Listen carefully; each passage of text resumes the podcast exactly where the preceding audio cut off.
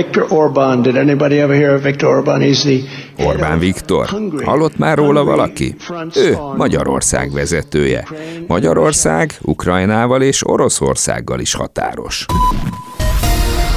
Na ennél gondolatébresztőbb hang a mai adásban már nem lesz, ezt meg tudom ígérni. Egyrészt dicsérjen meg téged a Donald Trump, másrészt ha én lennék a Szabó nevű motivációs tréner, akkor azt mondanám, ha úgy érzed, hogy reménytelen, amit csinálsz, csak gondolj arra, hogy néhány hardcore Trump hívő még mindig keresi az orosz-magyar határt. Kemény Dániel vagyok.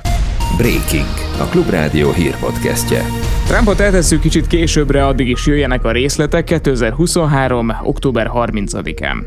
Már is egy gyors hír, aminek szerintem örülni fog, ha nem szereti a reklámokat. A Meta bejelentette, hogy az Európai Unió szabályozásnak megfelelve elindítja az előfizetés ellenében hirdetésmentes Facebookot és Instagramot. Az árazás attól függ, hogy ki milyen készülékről fizet elő, de a HVG úgy tudja, hogy a szolgáltatás havi 10-13 euróba fáj majd.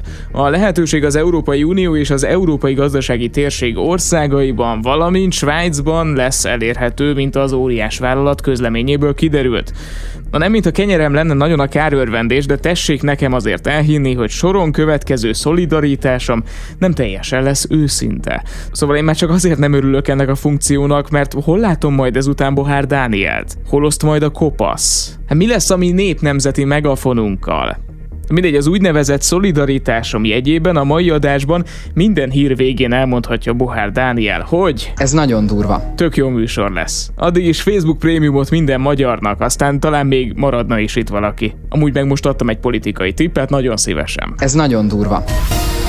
Na de vissza a magyar valóságba. Túlságosan sokáig tartják bent a gyerekeket a kórházakban arra hivatkozva, hogy megfigyelésre még bent kell maradniuk az egyébként egyértelműen gyógyult pácienseknek. Ez hangzott el a Klubrádióban. Velkei György, a Betesda kórház főigazgatója, a Magyar Kórház Szövetség elnöke azt mondta, ez a valóban helytelen gyakorlat egy rossz szabályozás miatt alakult ki. Van egy olyan szabályzás, ami elavult és rossz, ezt úgy nevezik, hogy minimál ápolási nap. Ez azt jelenti, hogy kevesebb pénzt kap egy kórház egy beteg ellátásért abban az esetben, hogyha nem éri el az ápolási nap, a bentfekvési nap, azt a minimum számot, ez sokszor két-három, időnként öt nap, amit egy betegségnél kórházban kell tölteni. Ezt mindenki tudja, hogy rossz. Mondjuk persze nézőpont kérdése, szerintem már megint a hangulatkeltés megy, mert egyesek nem tudják értékelni a magyar egészségügy világhírű ölelő közelségét még pár plusz napig. Nem is értem. Ez nagyon durva. Ma zárul az Egységes Diákfront alternatív 7 igenes népszavazása. Eredményeket hivatalosan még nem tudni, de a Klubrádió úgy értesült, hogy a résztvevők száma már meghaladta a százezret. Ha ön ezt az adást hétfőn hallgatja és úgy érzi, akkor még van egy pár órája leadni a szavazatát.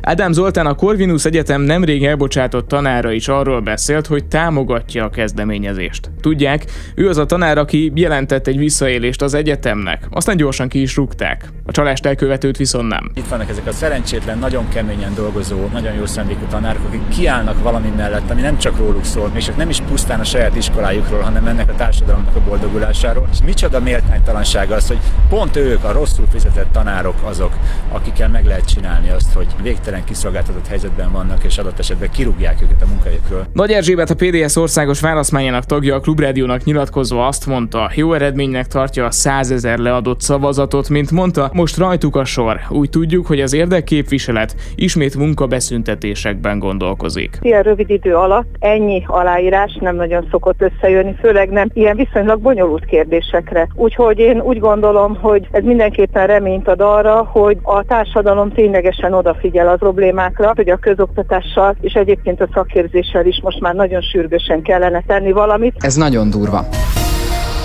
Egy új mozgatható trafipaxot szerez be a Terézvárosi önkormányzat, amely mellé négy trafiboxot is telepítenek a kerület négy pontján, az Andrási úton és a Podmanicki utcában.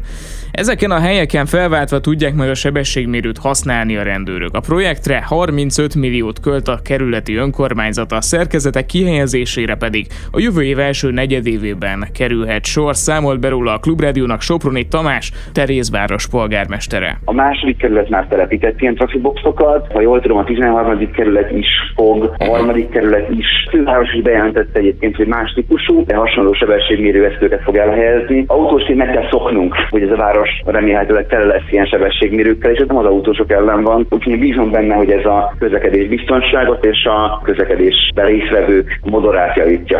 És ha már száguldozni nem lehet, mondok még egy okot, amiért inkább be se üljön az autóba. Szerdán ismét változnak a hazai üzemanyagárak, a benzin esetében bruttó 2 forinttal emelkedik a literenkénti nagykereskedelmi ár, míg a gázolajért bruttó 8 forinttal fizetnek majd kevesebbet azok, akik éppen úgy gondolják, hogy most mennének tankolni. A 95-ös benzin átlagára ezzel 610, a gázolai 639 forint lesz literenként. Ez nagyon durva. Keretes szerkezet vissza Donald Trumphoz, aki már megint nagyot ment, nyilván nem először és nem is utoljára. A korábbi amerikai elnök nemrég Törökország erős kezű vezetőjének nevezte Orbán Viktort az egyik kampánygyűlésén, most pedig azt sikerült mondania, hogy Magyarországnak Ukrajnával és Oroszországgal is van közös határa. Viktor Orbán, did anybody ever hear of Viktor Orbán? He's the... Tudják, van egy nagyon erős játékos. Orbán Viktor. Hallott már róla valaki?